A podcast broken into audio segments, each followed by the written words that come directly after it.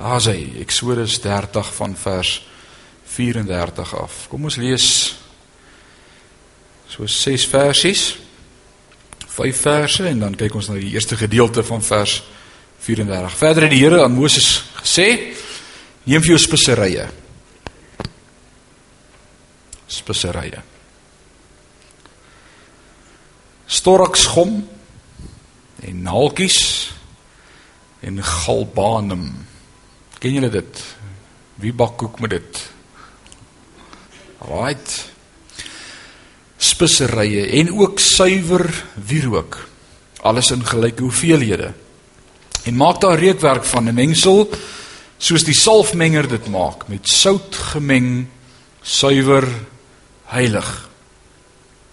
En vrywe 'n gedeelte daarvan heeltemal fyn en sit 'n deel daarvan neer voor die getuienis in die tent van samekoms waar ek met jou sal saamkom.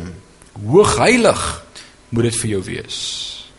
En die reukwerk wat jy moet maak na dieselfde voorskrif mag jy vir julle nie maak nie. En iets heiligs aan die Here moet dit vir jou wees. Elkeen wat so iets maak om daaraan te ruik moet uit sy volksgenote uitgeroei word. Kom ons kyk na hierdie eerste gedeelte. As ons eksposerend na die woord van die Here kyk en elke gedeelte vat en vir onsself vra wat leer ons hier uit soos wat ons die afgelope 6 hoofstukke al mee besig was en die Here het wonderlike dinge aan ons gedeel en aan ons geopenbaar. Wil ek jou vanaand 'n geleentheid gee om deel te neem aan hierdie gesprek en te kyk teen die tyd behoort jy al in die groove te wees van hoe om skrifte ontleed en hoe om dinge raak te sien. Sekere dinge van die tabernakel moes al vir jou oopgegaan het en jy moes gesien het hoe werk dit. So kom ons gesels oor hierdie gedeeltetjie sover. En dan sê jy vir my wat staan vir jou uit hiervan en hoe dink jy kan ons dit toepas in ons lewe? Ek dink dis wat ons hier is om te leer vanaand. So wie wil 'n klip in die bos gooi? Wie wil die eerste klip gooi?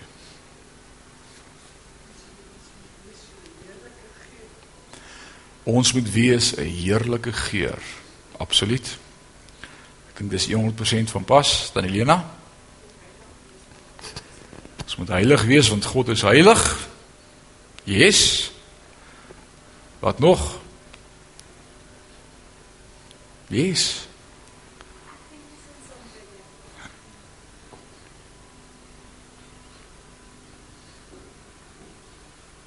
Ons aanbidding beslis om maar uitbrei daarop.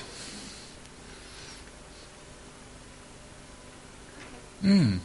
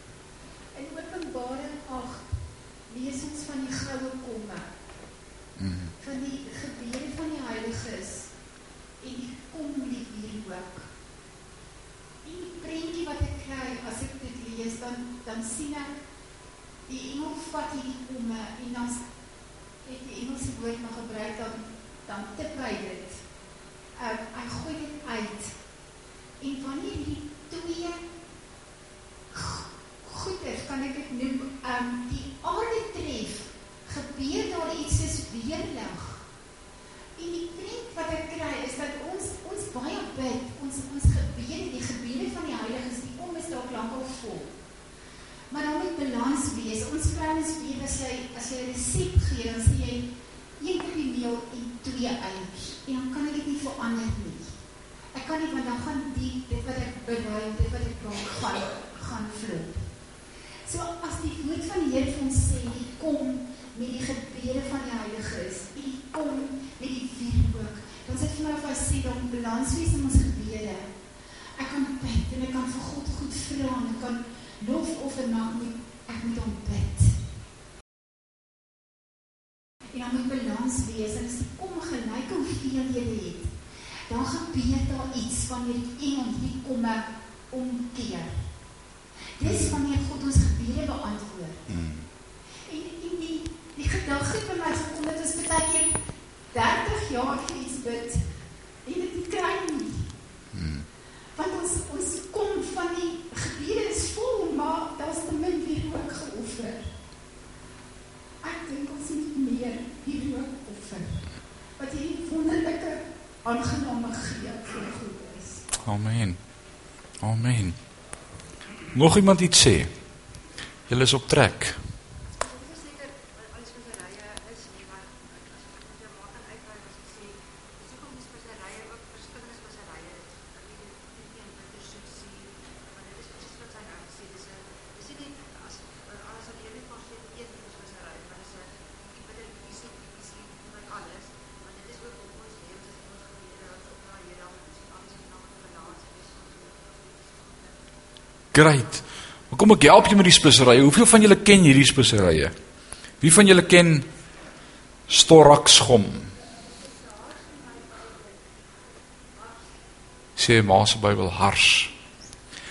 Nou al drie hierdie speserye as ek gaan kyk in die oorspronklike teks, al drie van hulle naaltjies en galbanum. Al drie van hulle het 'n soet reuk as hulle brand. Al drie hierdie spices is soet. It's a sweet incense. Dit is 'n soet reuk wat die tabernakel gevul het binnekant, die heerlikheid van die Here. Hierdie drie speserye saam was soet gewees hierdie reuk. Alraight, en die wierook. So hier's 'n paar dinge wat ek wil sê en kom ons kyk hoe raak is. Wil nog iemand iets sê voordat ek vir julle gaan sê wat ek geskryf het en dan kyk ons hoe ver is ons uit. Julle is so ver in die korrel. Wie wil iets by sê wat? Tannie Liesel? Tannie sien sout. Mm. Ja. Hierdie wierook moes gesout wees. Ons gaan daaroor gesels. Yes. Ek sien spesifieke verwysings na soos die salfmenger dit maak. Ja. Dis verwysing na Jesus en sê Jesus die salfmenger. Ek sê sout wys dit om soek na dryf nie. Dis 'n veer dit wat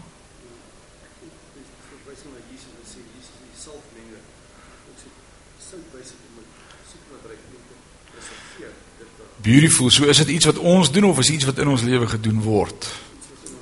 Ons gaan daarna kyk. Yes, definitief. Soos die salfmenger dit maak. Nee, beautiful. Jy het 'n paar mooi goed hier al. Dit is vir my vir wat my tyd is die laaste gedeelte dat al en nou dat hierdie gee hierdie video daar vir my genoeg. Mm. Ek wil dit nie maak sodat dit vir my Mm. lekker is. Dit moet vir God aan. Mm. Daarom as dit aanbidding is, Mm. nie oor shine van Mm. aanbidding van ja, hoor hoe kan ek aanbid. Mm. Gaan oor dit is vir God aangenaam. Amen. Absoluut. Pastoor sê vers 38, ons moet dit nie vir onsself doen, ons moet dit vir God doen. So hierdie hele reuk gaan nie oor ons nie, dit gaan oor God. Beautiful. Ouens, dis julle is in die kol met dit. 'n Paar jaar gelede in Amerika op die rakke word daar 'n nuwe produk probeer geloods. Dit het nie gewerk nie en ek sal nou vir julle verduidelik hoekom. Dis van selfsprekend. Die produk se naam was gewees Scent of the Stars. S C E N T. Scent. Reuk van die sterre. Arnold Schwarzenegger was een van die ouens. Hulle het van sy sweet gevat. en dan het hulle daardie reuk probeer naboots en gesê as jy hierdie rol aan aansit, gaan jy ryk soos Arnold Schwarzenegger. Was verskillende sterre gewees wat hulle hierdie reuk van probeer maak het. Nou ek dink dis sommer 'n stink storie. Dit kan nie werk nie. Alraight. Jesegiel 44 leer vir my iets baie belangriks as dit kom by ons as priesters en ons het dwars deur die tabernakel sover al gesien dat ons is God se priesterdom. Nee, 1 Petrus, hoeveel? 1 Petrus is dit 2 of 3? 2 wat sê ons is 'n heilige priesterdom, ja uitverkore geslag om die deugde van hom te verkondig. Sondag. 1 Petrus 2, is dit? Is dit? Daar's hy. Jy moet by wees. Ouens, en ek dink dis baie belangrik as ons kom by skrif uitleg, veral eksposerend vers vir vers, jy moet die Bybel ken. En dis iets wat ek hierdie laaste 2 jaar met 'n spoed agterkom. Jy kan nie 'n skrif verstaan as jy nie die hele Bybel ken nie. Jy kan nie. En ek dink nie ons sal ooit die hele Bybel ken nie. Maar elke keer en dis wat oom Doop ook altyd sê as ek aan hy praat, is wat jy hom weer deurlees en weer deurlees, kom jy agter, o, oh, maar daar's iets en hier's iets en dit kom bymekaar en dis eintlik dieselfde ding en die hele Bybel is een storie. Nou Esegiel 44 vers 17 en 18, hoor wat sê dit vir ons daar. En as hulle na die poort van die binneste voorhof ingaan, dis nou in die tabernakel, moet hulle linne klere aantrek. Nee, dis dis belangrik. Hoekom? Maar wol mag op hulle nie kom as hulle dien in die poorte van die binneste voorhof en daar binnekant nie. Hulle mag nie wolklere aan het nie. Nou wie van julle het wol baadjies by die huis en wol pyjamas en wol slippers en wol kouse en wol misse? Dis lekker warm, né? Op 'n tydjie selfs in hierdie winter as jy so wol ding aan het begin jy sweet. Erg. Sint sweet. En hier kom God en hy gee uitdruklike voorskrif wat sê net linne klere, geen wol nie. Linne voorversiersels moet op hulle hoof wees en linne broeke moet aan hulle heupe wees en hulle mag nie omgord wees met iets wat laat sweet nie. God se opdrag aan die priesters in die tabernakel is geen priester moet terwyl hy diens doen in die tabernakel sweet nie. En as dit ek nou daai skrifgie letterlik gelees het dat ek ophou das draai het want dit laat my regtig sweet en ek wil nie ongehoorsaam wees aan die woord van die Here nie. So dis eintlik vrymakend om dit te verstaan. Maar wat bedoel hy daarmee? Hoekom wil hy nie hê ons moet sweet as ons diens doen in die tempel nie? Sodat die reuk beslis nie versteur word nie. Gesweetery kan 'n verskriklike reuk afgee. Definitief, dit sal die soet reuk versteur. Maar ek wil iets anders vir jou sê vanaand. Yes.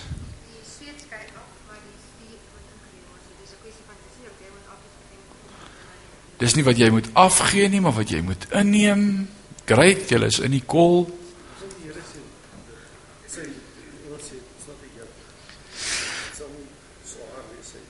Matteus 11 vers 28 sê kom na my toe almal wat vermoeid en belas is, ek sal julle rus gee.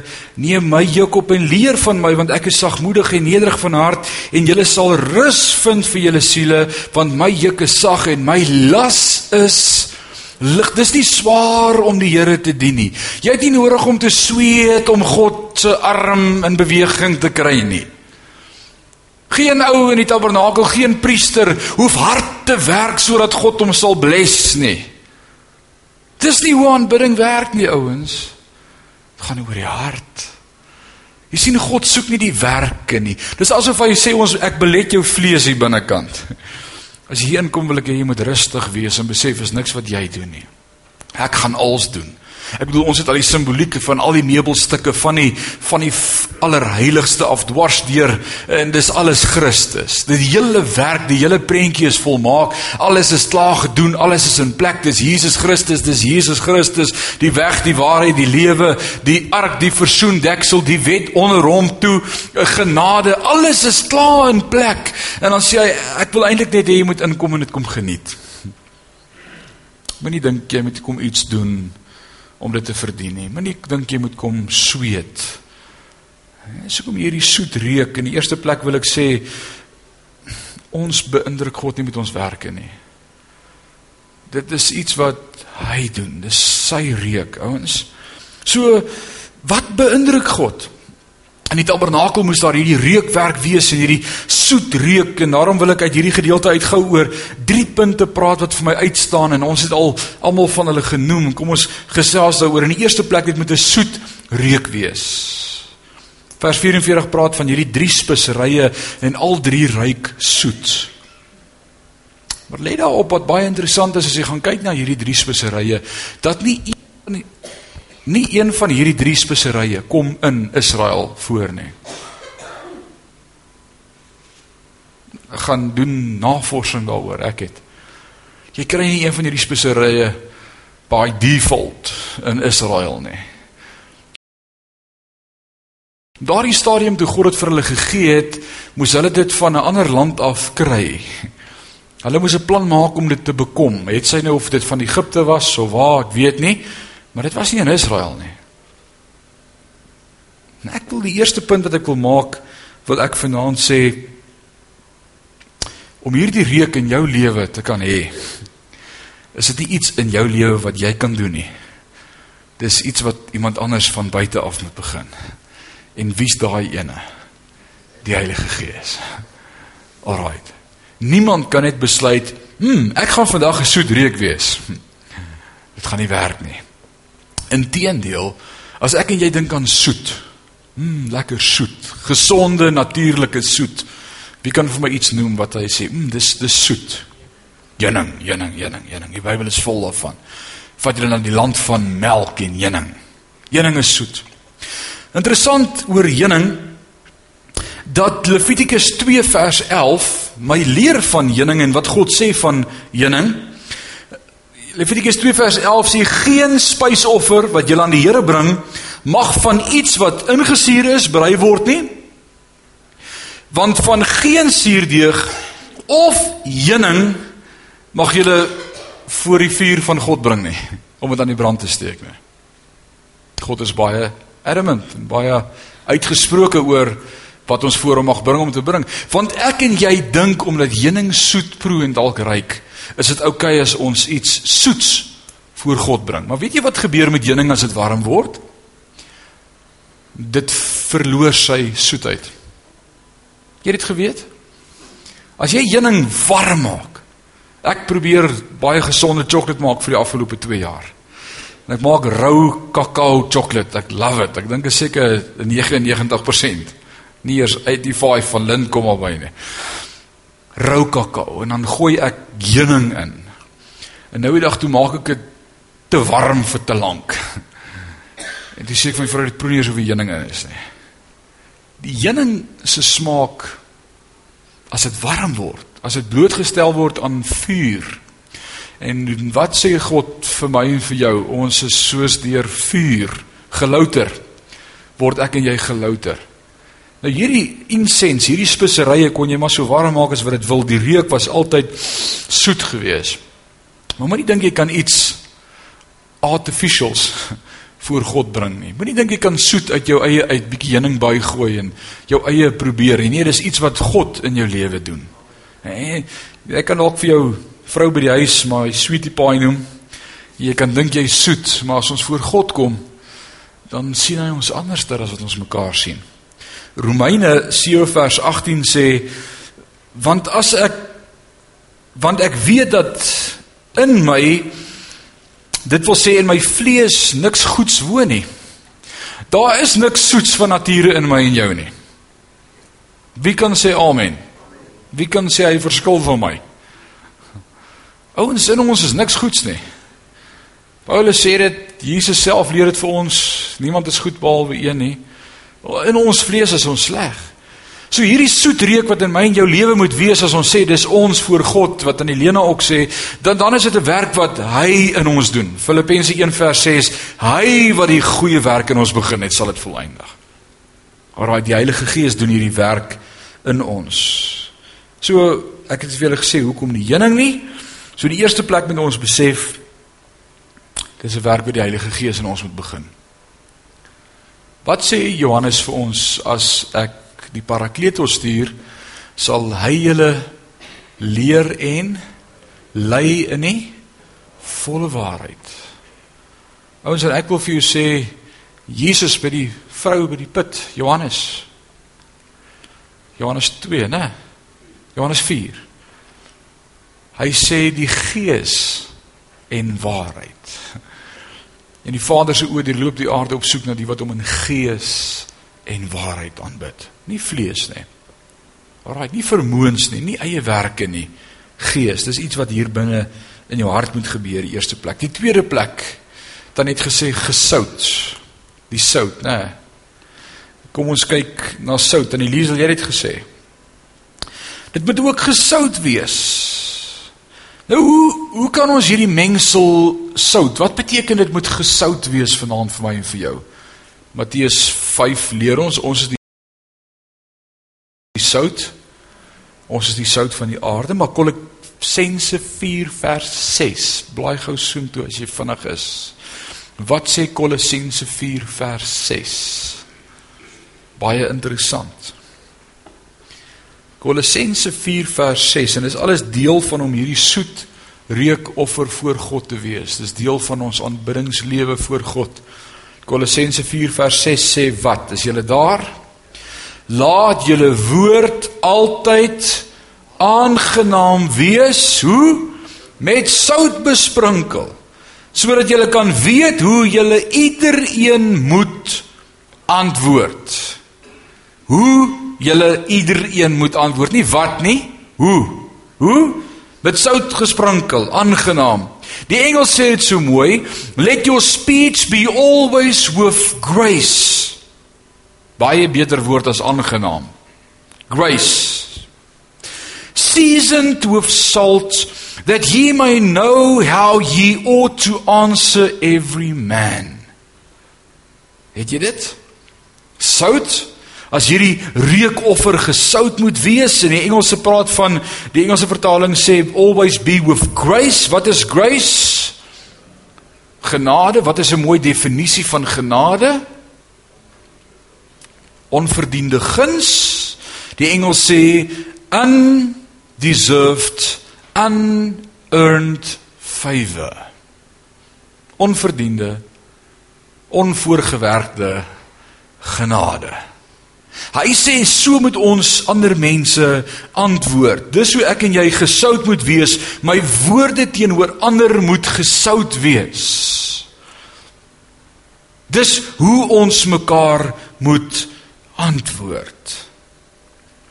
En baie keer sê iemand vir my, maar hy of sy verdien dit nie. Hy of sy verdien nie dat ek mooi praat met hulle nie. Hulle verdien nie, hulle het nie daarvoor gewerk nie. Hulle verdien nie my genade nie. Hulle stel my te leer of hulle het my gedrop of of ek hou net nie van hulle nie. Ouens, die woord sê vir ons baie pertinent hoe ons moet antwoord. Ons woorde moet gesout wees. Mooi. Onverdiend guns. Met ander woorde, hy hoef nie te verdien dat jy met hom mooi praat nie. Daai ou wat voor jou inry. Daai ou wat jou skade berokken. Daai ou wat jou kwaad maak wat eintlik 'n klap verdien, moet jy onverdiend met gesoute woorde mooi mee werk. Eina. Eina. Ons gee hulle baie keer wat hulle verdien. Dan sê ons dit was sy verdiende loon. God sê uh, uh, as jy gesout is, dan gee jy vir hom wat hy nie verdien nie. Jy gee vir hom genade. Grace. Hou ons probeer dit hierdie week. Dis dalk dalk moet ek 'n streep trek. Dis vir ons se toets vir ons vir hierdie week is om net te kyk of ons ouens kan hanteer op 'n manier wat hulle dit nie verdien nie. Ons kom elke dag met sulke goed te doen. En dit was die tweede ding wat vir my uitstaan. Die derde ding is dit moet ook heilig wees. Dit moet heilig wees aan God. Dis vir hom, nie vir ons nie. Alraight, wees soet gevul met die Heilige Gees, gesout, maar ook heilig. God wil hê ons moet ook heilig wees. Wees heilig want ek is heilig. En ek wil vir jou sê as jy hierdie rekende welrekende offer voor God wil wees, loop jy reguit pad. Soek God. Haat sonde in jou lewe. Sê ek het klaar gekry met die verlede. Ek haat dit. En baie ouens is vals en en baie ouens sê genade genade, maar die enigste rede hoekom hy genade sê is sodat die son in sy eie lewe weggesteek kan word. Verstaan jy? Dis amper dis om te dweep. Dis om skynheilig te wees. Ouens, ons het almal gesondig. Maar God maak ons nuut. En God sê ek soek 'n nuuter, dieper dimensie by jou en by my. Groei na heiligheid. Dis hierdie offer voor God. Dit was hierdie drie goed wat vir my so uitstaan. Soet, die reuk, dis iets wat van buite af gedoen word in ons lewe deur die Heilige Gees. En dit beteken ons moet ons harte oopstel en ons lewe oopstel en sê Here, kom leer my aanbid. uh, aanbidding deur gees en waarheid. In die tweede plek gesoute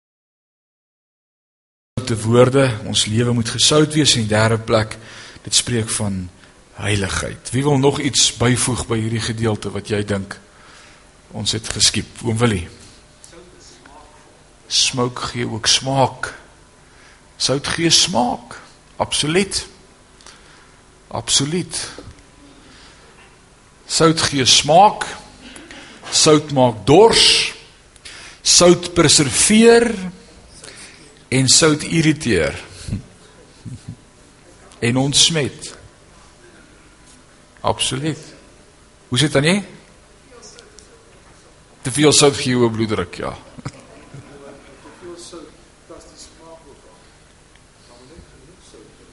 Mm. Absoluut balans. Sout is 'n geneesmiddel. Ouens, ons kan vir hoe lank oor die funksie van sout praat. Sout gee smaak, sout preserveer. Jy onthou toe Jan van Riebeeck in 1652 in die Kaap aangekom het deur die Hugenote gestuur op die boot. Wat was die boot se naam? Hy deur die Hugenote gestuur, nee, deur die Here 17. Hoe was daai sout? Hoe was daai vleis in die balies gebeere dat hulle nie skeur by kry op die skip nie? In sout gepekel. Sout preserveer. Sout hou behoue. Sout maak dat daar nie verrotting plaasvind in my en jou lewe nie. Sout. Ons kan lank oor sout praat. Wie wil nog iets sê wat ons gemis het in hierdie gedeelte wat jy dink?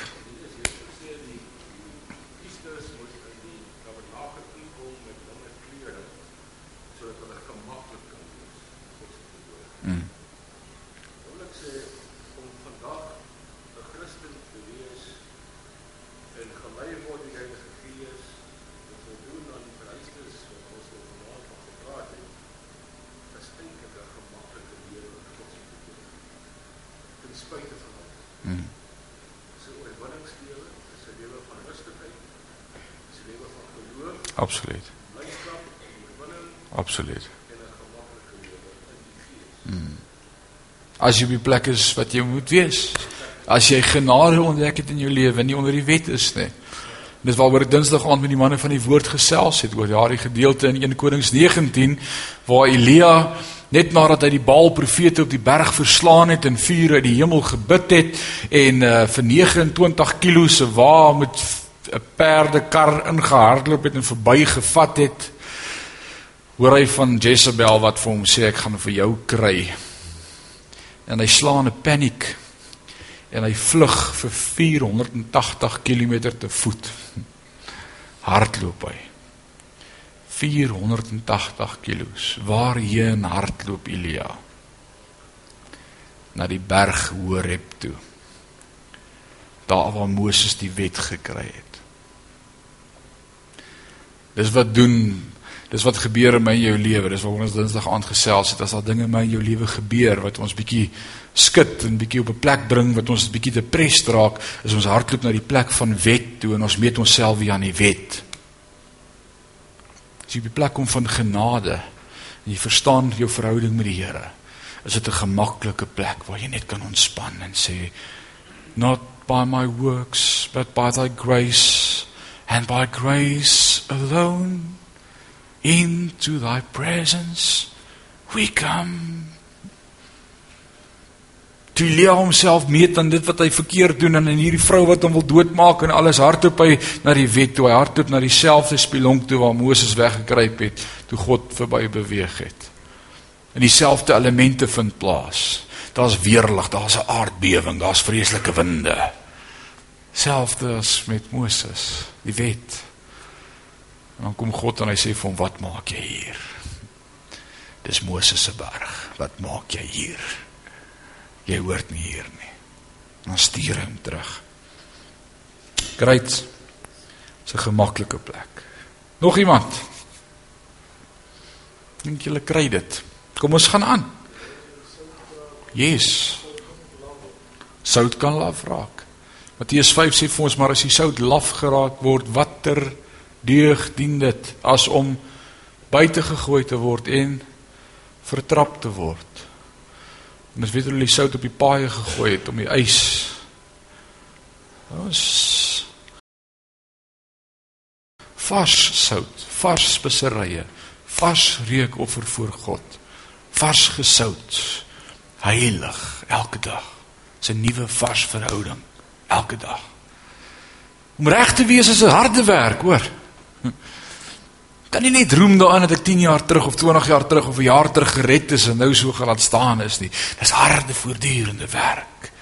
Maar dis 'n werk wat hy in my lewe doen. Al wat ek moet sê is ek stel my oop. Laat my oorloop van al die volheid kom waai deur my. Yes.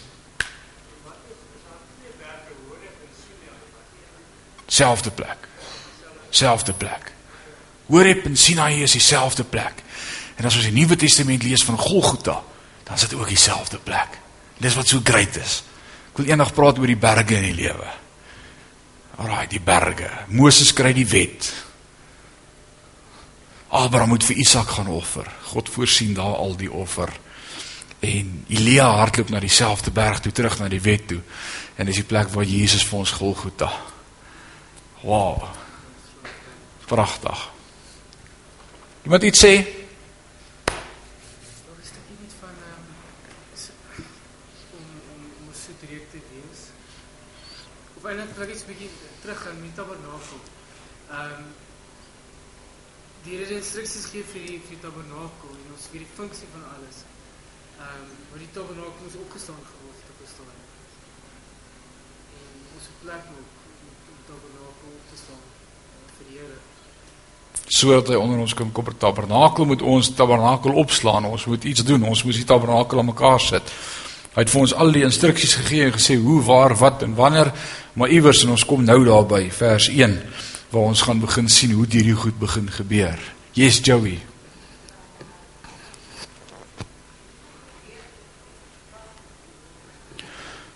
Soos wat hierdie kruie gestamp is deur die salfmaker en deur die wierookmaker, moes daai kruie fyn gemaak geword het. Ek sien die stamper en hulle moes paste gemaak word amper met die sout by.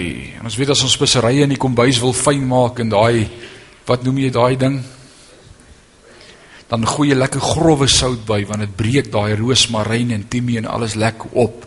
En dis wat die funksie van die sout ook was is om daai spices fyn te maak. So dit moes jy moes opgebreek het. Jy het nie net lekker heel gebly nie. En so beleef ons in ons lewe dat God ons lank baie keer uit ons beet en ons besig om te voel ons gaan crash. Mag die reuk wat uitkom 'n soet reuk wees voor God en hom behaag. Ook in ons lyding. Ook in ons smart, ook in ons seer kry, ook in ons ellende. Daai reuk wat uitkom. Amen. Kom ons gaan aan vers 1 tot vers 5 en dan gesels ons daaroor. Verder het die Here met Moses gespreek en gesê: "Kyk, ek het Besaleel, die seun van Uri, die seun van Hur, van die stam van Juda by sy naam geroep en ek het hom vervul met die gees van God, met wysheid en verstand en kennis en bekwaamheid vir allerhande werk om kunstige planne uit te dink en dit uit te voer in goud en silwer en koper en deur snywerk en stene wat ingelê moet word en deur die houtsnywerk om werksaam te wees in allerhande werk. Wat sien ons hier? In hoofstuk 30 het ons gepraat oor hoe die priesters gesalf is vir diens in die tabernakel en ons het gepraat oor die priesterlike salwing in hoofstuk 30. Nou kom ons in hoofstuk 31 en ons sien ook hoe hier die verskywing plaasvind na die praktiese bediening. Hier is nie meer die priesterlike bediening nie. Hier lees ons nou oor die praktiese bediening, handewerk. Wie van julle kan met julle hande werk? Hier's ouens hier wat met hulle hande kan werk. Hulle is dalk nie gesalf om op 'n straathoek te staan en 'n skrif uitleg te gee nie, maar hulle kan met hulle hande werk. Ouens, dis ook 'n anointing. Jy's ook gesalf vir jou hande werk. Dit sien ons hier duidelik. Daar is 'n salwing of 'n gawe wat in praktiese wyse te werk gaan en ek het hom vervul met die gees van God. So hy moes die praktiese werk van die tabernakel doen. Hy was geroep as die voorman. Hierdie was die voorman van die bou van die tabernakel. Besaliel. Hoe sê ou dit? Besaliel. Hy was die voorman gewees in die bou van die tabernakel. God bekragtig mense om op praktiese wyse te bedien. Ons vergeet dit soms. Ons kyk dalk net na ouens wat geroep is om te preek en te evangeliseer en te sing vir die Here en uh getuienis te lewer en fisiekes te bid en al hierdie pragtige geestelike goed, maar ons vergeet God het ook 'n ander dimensie waar hy ouens met talente salf om prakties met hulle hande dinge te kan doen. En dis ook 'n roeping en 'n anointing. En dis ook vir God se heerlikheid en tot uitbou van sy koninkryk. En dis hoekom God hierdie ou salf om prakties dit te kan doen. Almal kan nie bak nie. Wie weet dis die waarheid? Man, ek ek hou van kos maak, maar ek het agtergekom daar's 'n verskil tussen kos maak en bak. Daar's 'n groot verskil. Ek verstaan my pot en ek weet hoe om te stel en ek kan kos maak, maar bak. Christian wou die week 'n koek hê vir sy verjaarsdag. Hy het Vrydag 9 geword. En ek sê nee man, ek sal vir jou koek bak. Ek gaan pa gaan bak. My oorle ouma se resep wat ek by my ander antie gekry het, ek gaan bak. En ek kyk die resep so en ek sê ek gaan bietjie modify. Ek wil hierdie koekmeel uithaal en ek gaan stone ground flour insit wat gesonder is en ek gaan die margarine uithaal en botter insit en ek gaan uh bietjie net aanpas. Dis dieselfde goed. Liewe hemel. Die koek is gebak en dit lyk te pragtig en ek het die versiersel butter icing. Gesonde botter. Ek het xylitol in die koek plaas van suiker. Dit is 'n gesonde koek. Ek het rou rou sonneblomsaad in die koekolie plaas van gewone sonneblomolie. Jy weet 'n gesonde, lekker, smaakvolle koek. Ek het uh Wat is hierdie eiers? Free range eiers in die koek, man. Dis 'n lekker koek. Ek gaan hierdie koek eet. Ek gaan nie skuldig voel oor hierdie koek en die suiker en die meel en al die goed nie. Ons bak die koek en hy ryste heerlik chocolate koek en hy sak mooi en ons maak die butter icing aan gistermiddag en ons sit hom op en ek versier 'n 9 op die koek en ek druk kersies in en ons stap na Chris se kamer toe hy verjaar al van Woensdag af die hele week nog. Want gisteraand nou blaas ons vir hom kersies en ons sing en nou gaan ons die koek sny. Maar liewe hemel. Dis soos beskuit krummels. Die ding is droog en dit bros en voordat jy nog die stuk kan sny, val dit uitmekaar uit. Dit lyk soos dis krummels. Daar's niks vir dit bymekaar hou nie. Arme kind, gelukkig is hy hy dink is lekker. Pa het sommer klaar die koek vir jou gesny. Eet hom so klaar gekou ook. Dit lyk so. Ons bros. Uh, dit proe reg. Sê ek, my vrou sê dit proe nie reg nie, maar dit is wat ek net weer besef het is almal kan nie bak nie. Jy kan die resep hê. Nee, dis nie te sê jy kan bak nie. Almal het nie die salwing vir bak. Ek het beslis nie die salwing vir bak nie. Jy kan die beste D5 wire oond hê, dit maak niks. Wie kan sê amen? Weet jy hoe dit voel?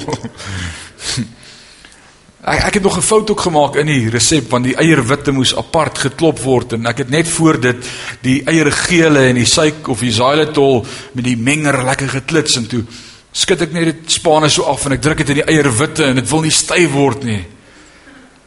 En ek sê vir hulle, jy moet mens nie suiker bygooi met styf te laat kry nie. Sy sê nee, jy moet net skoon spane gebruik. En sê o.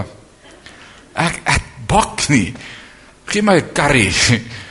Curry kan ek maak. Maar ons almal het nie dieselfde salwing om met hulle hande dinge te kan doen nie. Party mense vat 'n stuk lap en hulle vat 'n naaldwerkmasjien en hulle maak die mooiste klere.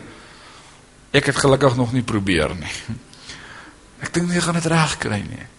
Party ouens het groen vingers. Wie van julle het groen vingers? Dis party mense wat sê ons het groen vingers. Ek het nie. Nie eers 'n kaktus wil groei as ek hom geplant het nie. Nie goed vrek. Hier's een hier agter in die bidkamer. Hy's vrek. Tot die dorings verlep. Dis verskriklik. Waar ek het nie groene vingers nie. Dis nie my sterkpunt nie. Ek was in 'n tegniese skool want ek hou van met my hande dinge doen en ek het tegnika meganies gehad, pas en draai. Ek kan op 'n draaibank en 'n vreesmasjien en ek ek verstaan die berekeninge. Maar ek kan nie swys nie. Ek sê altyd my grinder werk harder as my swyser. want ek grind alles gelyk na die tyd. Ek het mense het nie almal dieselfde sterkpunte nie.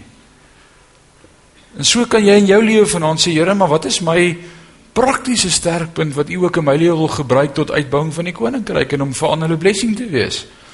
Hier sien ons die Here sê ek het vir hierdie ou sy begeertes gegee en ek het vir hom sy drome gegee en ek het vir hom hy sê vir hom ek het vir hom die verstand en die wysheid en die kennis en die bekwaamheid vir allerlei werk om kunstige planne uit te dink en dit uit te voer met goud en silwer en koper en stene te sny en in te lê en houtsnywerk ek het dit vir hom gegee. Ons op baie keer kyk ons na mense wat met hulle hande werk en ons vergeet dis ook God wat dit gee. Dan die poppie vat 'n skêr en sy kan iemand se hare sny. Ek het nou die dag dewel se hare probeer sny. Gelukkig is daar nommer 3 kammetjie wat sorg dat jy hom gelyk sny. Ek ek kan dit nie doen nie. So weet jy in jou lewe van dinge wat jy probeer doen en net sê maar ek kan dit nie doen nie en is alraai om nie alles te kan doen nie. Maar daar's goed wat jy kan doen wat die ou langs jou nie kan doen nie. Hoe kon jy vat 'n engine en 'n luister na hom, hy sit die skroewedraaier so op die tappet cover neer en sê hy dis wat fout is. Hy het 'n oor wat getune is. Elkeen van ons het ander is anders gebles. Alraight. Mense het verskillende praktiese gawes. Wie van julle kan skilder? Julle hande dinge doen. Hier's 1, 2, dan die pop skilder. Ek het ook in Johannesburg gebly vroeër jaar gegaan vir skilderlesse. Ek het die een skildery wat ek gemaak het gehou om my te herinner moet dit nooit weer doen nie. Ek teken 'n donkie dan vra my kind vir my wat is dit? Is dit 'n trekker? Dan sê ek nee, los dit net. So hierdie man kon met sy hande werk en uh, nou word hy gesalf om dit vir God te doen. En ek dink dis ook belangrik om te besef vanaand. Is daar's God wat goed of God het dit vir jou gegee om te kan doen. Jy's bekwam, jy het die talent, maar jy het nodig om gesalf te word om dit vir God te kan doen. Jy het nodig om hierdie talent te vat en te sê Here, ek wil dit gebruik vir U. Nou wil ek dit in die tabernakel begin gebruik. Hoe? Ja, ons ek dink dis ons grootste stryd as pastore met gemeentes reg oor die wêreld is om ons lidmate te kry dat hulle besef hulle kan daai talente wat hulle het aanwend vir die Here. So wonderlik so jaar terug het een van ons broers by my gekom en gesê Ja, ek is nou op pensioen en ek het nou alles wat ek by die huis wou doen gedoen en ek het nou niks meer om te doen nie. So sê vir my, sê vir my iets om te doen. En ek sê vir hom ek het net vanmôre vir die Here gesê ons kort 'n ernstige faktotum by hierdie kerk. Want as hier iets fout gaan, moet ek en pa myself op die leere klim en boor en grind en dinge doen. Ons het niemand anders wat dit kan doen nie. En hy sê, "Ag, hy het hy het nie geweet ons doen dit self nie." Iemand moet dit doen. Hy het betrokke geraak. Ek, ek kan vanaand sy naam noem want hy's nie hier nie, oom Wessel Brits, oom Wessel en tannie Hetty. Hy's twee keer 'n week by hierdie kerk. 8 uur is hy hier want hy so lank lys in Excel opgetrek van wat moet gebeur die dag. Hy maak my mal. Moet dit nie vir hom sê nie. Hy's baie meer gedissiplineerd as wat ek ooit was akademies en en en hy hy kom en sê hy kom hierdie goed moet gebeur en wanneer kan ons dit doen en ons moet nuwe ligte gaan koop en daai lig het geblaas en daar moet dit kom en uh, is die geyser reg vir die winter en uh, is great dis sy sy salwing. Dis wonderlik. Wil nog iemand iets sê oor hierdie gedeelte wat vir jou uitstaan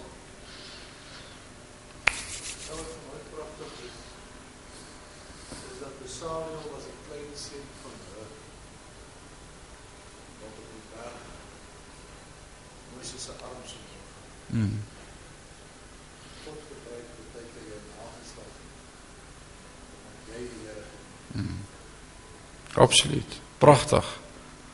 Pragtig. Absoluut. Oor hulle oupa grootjie dit gedoen en nou die salwing ook op hom gerus. Dis great. Dis great. Nog iemand? Henning, wat sê jy?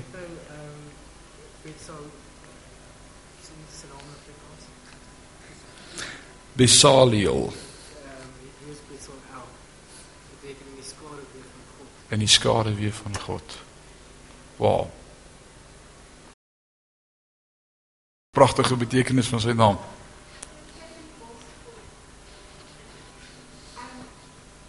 Ek weet net nie belei daar's paar goed wat jy nie kan doen.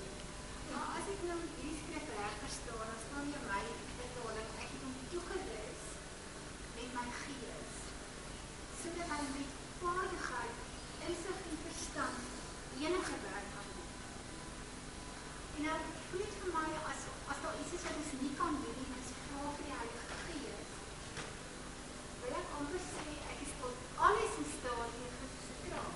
Wat is daar wat ons nie kan doen dan? As Is daar nie baie goed wat ek nie graag wat ek nie wil doen nie en dan sê ek ek kan dit nie. ek stem saam, ek glo aan, I can do all things through Christ that strengthens me. Ek is tot alles in staat. Deur Christus wat my in staat stel, maar maar en ek dink dis baie belangrik as die Here wil hê jy moet dit doen. Baie keer wil ek en jy goeders doen vir ons vir die vlees om te wys hoe oulik is ons en dan sê God maar dit gaan nie werk nie. Ons het sy gees, maar ons is nie vir dit gesalf nie. Baie kere is dit ook andersom. Die Here salf ons en hy sê ek wil hê jy moet dit kan doen. Dan sê maar ek het nog nooit nie en as jy dit probeer doen dan kry jy dit reg. Hoekom ek sê maar is ek wil hê ons moet verder lees van vers 12 af gou. En dan gaan ons hierdie tweede kant van die storie sien. Verder het die Here met Moses gespreek en gesê: "Spreek jy met die kinders van Israel en sê vir hulle: Julle moet sien, nee, ek is nie by vers 12 al nie, ons is nou by vers 6. En kyk, ek het hom Oholiab bygegee die seun van Ahisamach die uit die van die stam van Dan en in die hart van elkeen wat kunsvaardig is het ek wysheid gegee dat hulle alles wat ek jou beveel het kan maak die tent van samekoms en die ark van die getuienis en die versoendeksel wat daarop moet wees en alles wat behoort by die tent en die tafel van die gereedskap en die suiwer kandelaar en sy gereedskap en die reukaltaar en ook die brandofferaltaar en sy gereedskap en die waskom en sy voetstuk en die kunstige klere en die heilige klere van die priesters Aaron en die kleding van sy seuns om die priesterampt te bedien ook die salfolie en die reukwerk van speserye vir die heiligdom net soos ek jou beveel het moet hulle dit maak hier sien ons van 'n tweede man Dis nie Besaliel nie, hy was die voorman en nou kom God en hy sê hierdie Oholiab is die assistent. God salf Oholiab tot assistent vir hierdie voorman. sien jy dit? Met ander woorde wat ek wil sê is daar's God roep ouens vir 'n taak, maar God roep ook roep ook ouens om assistente te wees om helpers te wees. Almal is nie geroep om alles te kan doen nie. En hierdie assistent moes net die handlanger wees en kon aangee en ook kunstige werk kon doen, maar hy kon op sy eie aangaan en, en, en doen wat hy wou doen nie. God het 'n voorman aangestel. Iemand het eendag vir 'n baie bekende dirigent van 'n wêreldbekende orkes gevra, "Wat is die moeilikste posisie in jou orkes wat jy vind jy altyd iemand voorkort?" Waar daar 'n leemte is in jou orkes of het jy altyd genoeg musikante van alles. Toe sê hy, die moeilikste posisie vir my om te vind is altyd die viole se tweede ry se eerste stoel. Die ou wat die tweede viool moet speel. Ek sukkel met hulle. Almal wil aansoek doen vir die eerste viool posisie. Maar niemand wil tweede viool speel nie. Dink gou daaroor in jou lewe. Dit's lekker om die eerste viool te speel. God roep ook ouens en hy salf hulle om tweede viool te speel. En dit praat met my. Is dit nie so nie?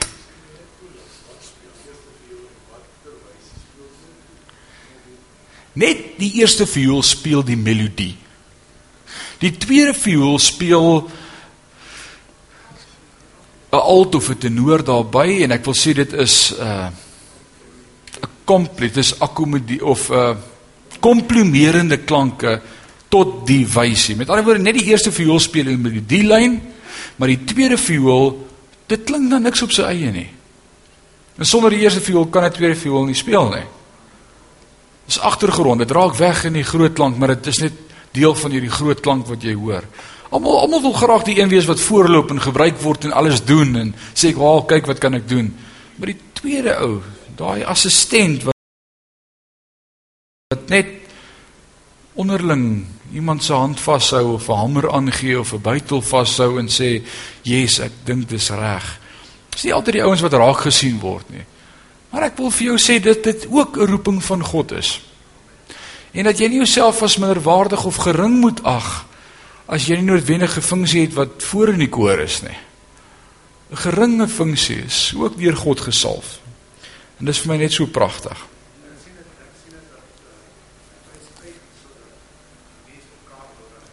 Absoluut. Mense het mekaar nodig. Definitief. Op jou eie kan jy dit nie doen nie. Yes. En as ons terug gaan na die tabernakel toe en die struktuur en die bou van die tabernakel, twee twee balke aan mekaar vas saam. Andrei. Yes.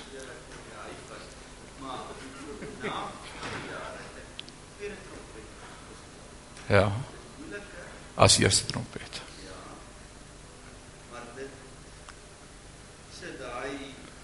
Enorme verskil in. Yes. Yes. Ja. Ja. So feit. Ek, kan presies assosieer met wat Andre sê. Ek was in HT Sasselburg gewees en uh, ek was tweede trompeter van die Kadetorkes. Ons het in 1992 jaar dat ek matriek was, het ons die algemene kompetisie gevat hier op Kroonstad vir die Kadetorkes kompetisie. Maar toe ek standaard 8 en standaard 9 was, toe was daar 'n eerste trompeter. Hy was Christo de Lange. En Christo de Lange kon ongelooflik trompet speel. Maar hy was eerste trompeter. En ek was nie so oud soos hy nie, so ek moes toe nou tweede trompeter speel want ek het 'n oor vir musiek en ek kan harmonise en dan doen ons hierdie uh O la mo di di di di lekker en dan speel ek tweede trompet al die klanke by. En ons wen die kompetisies en wen die kompetisies en toe ek nou matriek kom toe maak hulle my nou eerste trompeter. En dit skielik net dood. Want almal speel saam met my wysie. Niemand speel die ander note nie totdat ek begin besef het maar ek ek is dalk die oudste trompeter, maar ek wil nie eerste trompet speel nie. Dis daai tweede trompet wat die mooi klanke van die band uitbring. Dis regtig so. Iemand wat nog iets gesê het.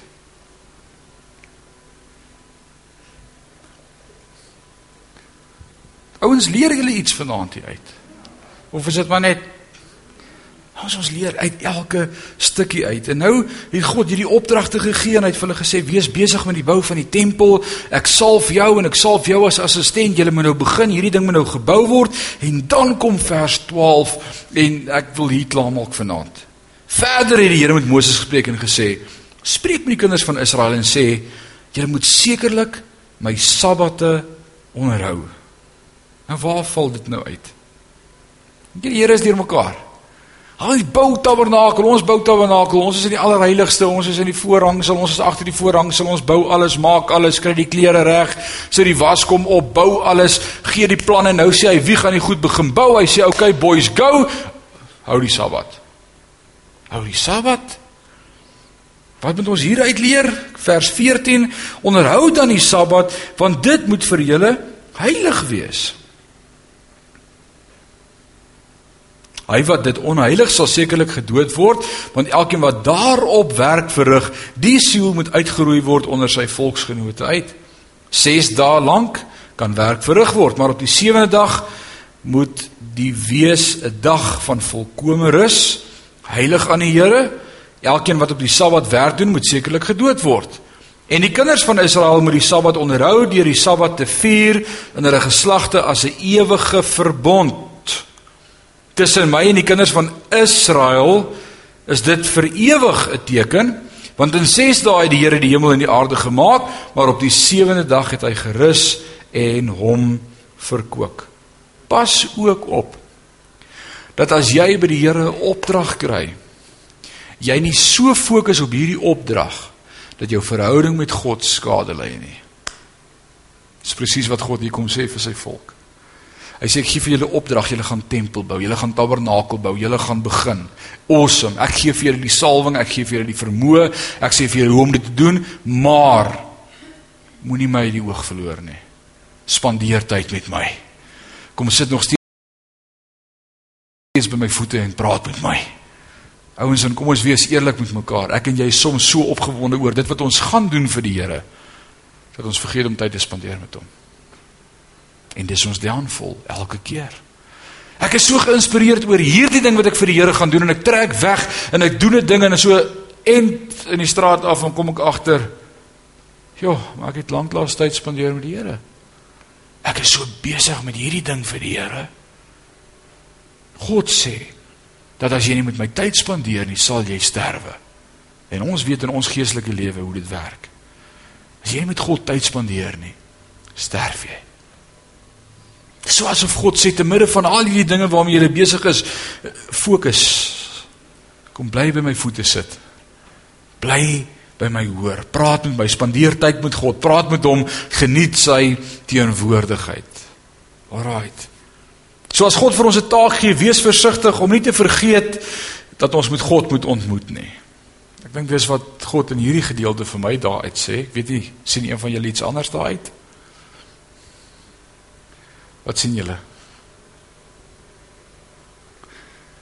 Hebreërs 10:25 Moenie die onderlinge byeenkomste nalat soos wat sommige van julle die gewoonte het nie, maar moedig mekaar aan en dit des te meer mate julle die dag van God sien naderkom. Absoluut. Absoluut. Onderlinge byeenkomste aan Elena.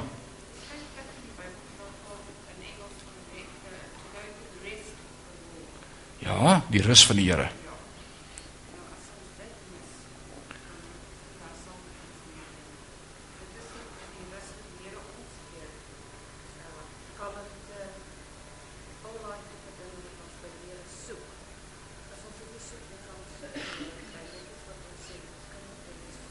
Die linne klere rustig kalm voor God en net tyd spandeer met hom absoluut kom na my toe almal wat moeg en oorlaai is en ek gee rus absoluut dis belangrik om God se rus in te gaan Ses dan moet jy werk, maar die sewende dag moet jy rus. Maak tyd vir God om te rus. Dan kom ons sê vir mekaar wanneer is die Sabbat? Ouens, teen die tyd moet julle al weet, die Sabbat is Saterdag, die Sabbat is nie Sondag nie. So ons is almal besig om die wet te breek elke week. Hoe sê hom? Saterdag is die Sabbat, nie Sondag nie. Ons is nie onder die wet nie. Ek dank die Here daarvoor en ek is ook nie 'n Jood nie en ek dank die Here daarvoor. Alraight. En ek wil met julle praat daaroor sodat jy hierdie ding in jou hart uitmaak want ons is baie keer is ons onder die spervuur en word ons deur ander mense uitgekry en gesê maar julle hou nie die Sabbat nie. Julle verbreek die wet elke week en julle gaan hel toe. Ons kerk in ons eie dorp wat vir ons sê, ja, maar julle weet wat is die waarheid en julle hou nie die waarheid nie. Julle breek die wet elke week. Ouens, hoekom hou ons nie die Sabbat nie? In die eerste plek is dit baie belangrik dat vers 17 sê tussen my en die kinders van Israel. God stel dit in en hy sê dis tussen my en Israel. Nou wil ek gou vir jou vra, is jy deel van Israel? Alraai, jy kry drie groepe mense, onthou dit altyd. Jode, sondaars en die Christene, die kerk.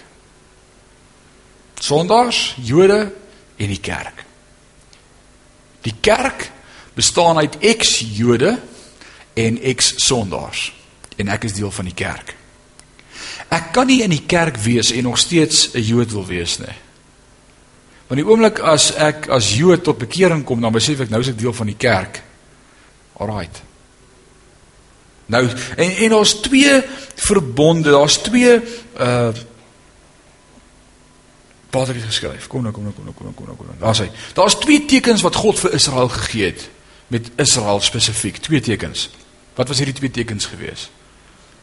Die besnydenis en die Sabbat. En dit was die teken gewees dat God met hulle 'n pad stap en dit was die verbond. Ons praat ook van die verbondsteken. Dit was die besnydenis, die sny van die vlees en dit was die Sabbat gewees. En nou weet ons in Handelinge 15 sien ons dit duidelik. In die Nuwe Testament kom daar van hierdie Jode tot bekering en daar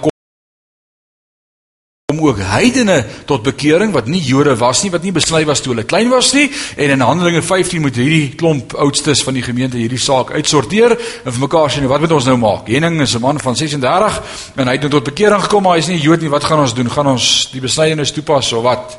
En die Heilige Gees lei hulle so duidelik en hulle sê, maar nou is hy deel van die kerk. Hy word nie nou 'n Jood nie. Want daar is iets anders as om deel te wees van die kerk en as om 'n Jood te wees.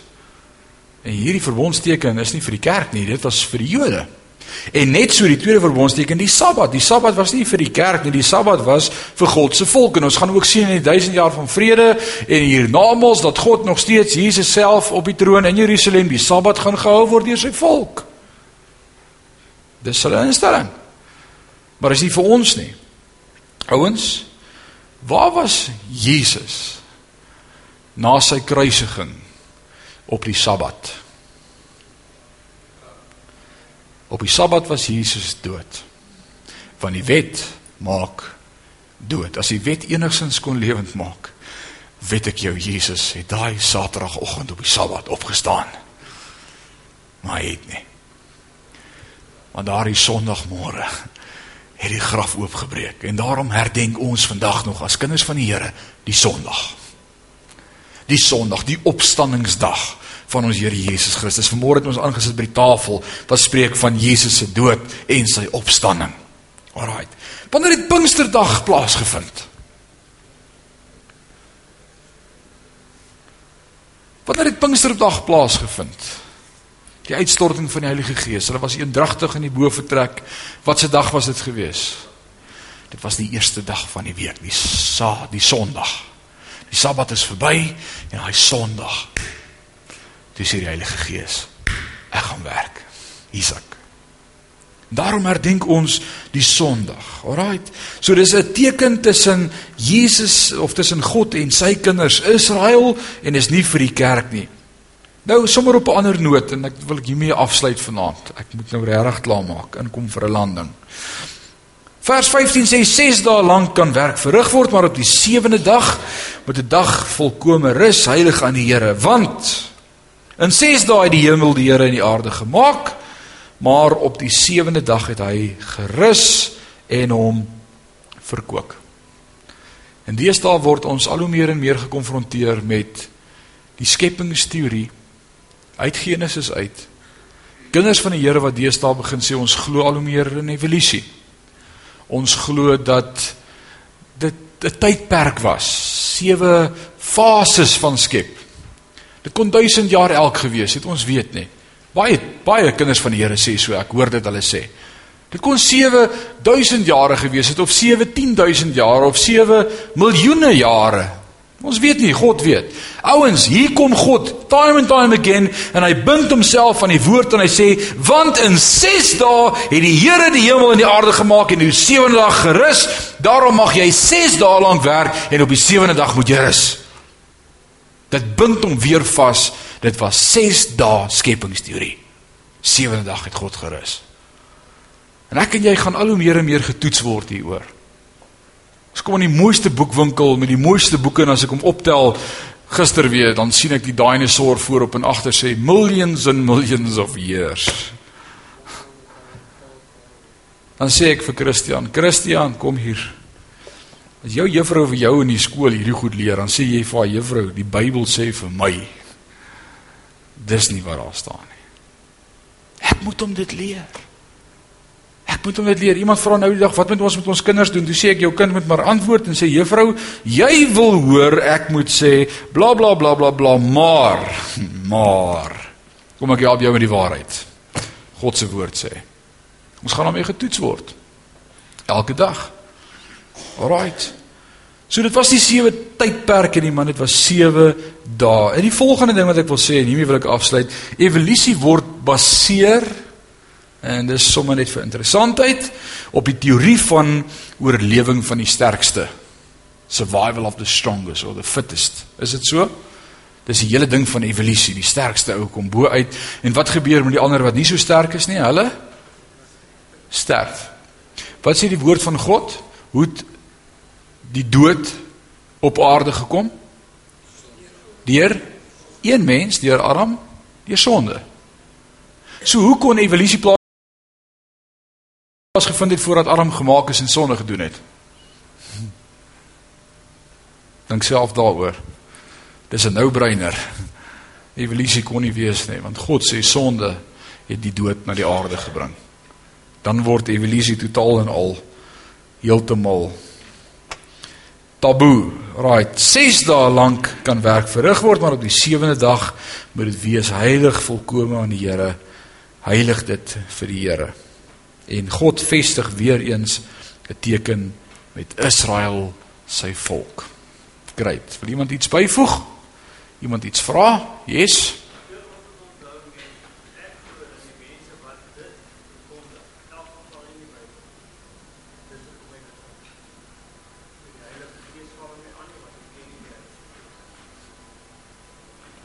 Jy sien dat mense wat dit verkondig, glo in elk geval nie die woord nie en uh, het nie die Heilige Gees nie. Ouens, ek weet nie baie teoloë dink of baie pastore, leraars, leiers, geestelike leiers dink dat ons ook alles in die wetenskap moet weet en ons doen nie. Ons ken net God se woord. En ek moet leer om te sê, weet jy wat, ek weet nie wat jy in die wetenskap leer nie, maar ek weet vir jou God het die wetenskap gemaak en sy woord sê in 6 dae het dit gemaak en op die 7de dag gerus. En ek hoef nie die wetenskap verkeerd te bewys nie. Dis nie my werk nie. Ek is hier om vir jou te leer wat sê God se woord en ons moet dit glo. Laas Sondagoggend se preek, wat glo jy? Amen. Nog iemand iets vra of sê voordat ons gaan klaarmaak? Ons het lekker saam gekuier vanaand. Ons uh, hele paar jaar terug was ek um, by die dokter in die kerk in Pretoria.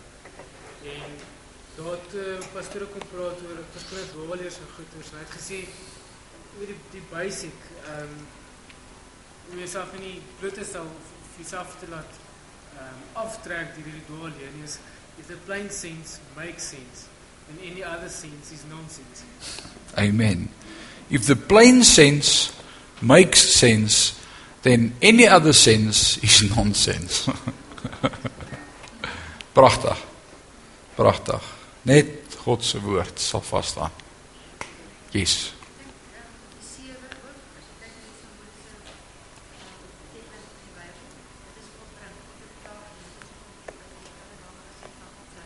Yes. Absoluut.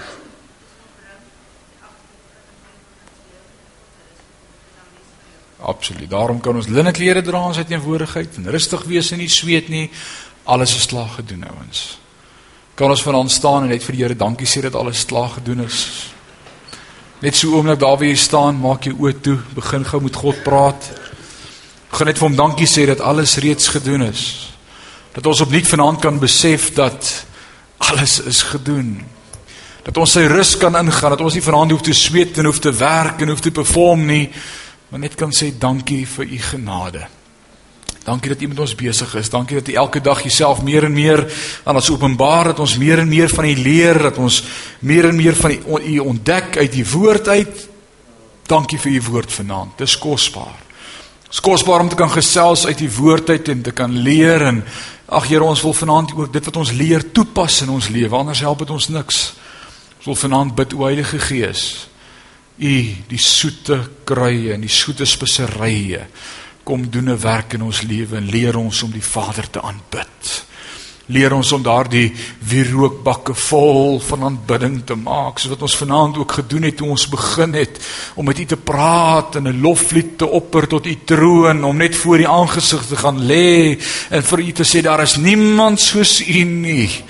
Mag dit 'n soet reuk wees voor die aangesig o Here. Mag ons woorde daar buite in die wêreld en met mekaar ook in hierdie week gesout wees.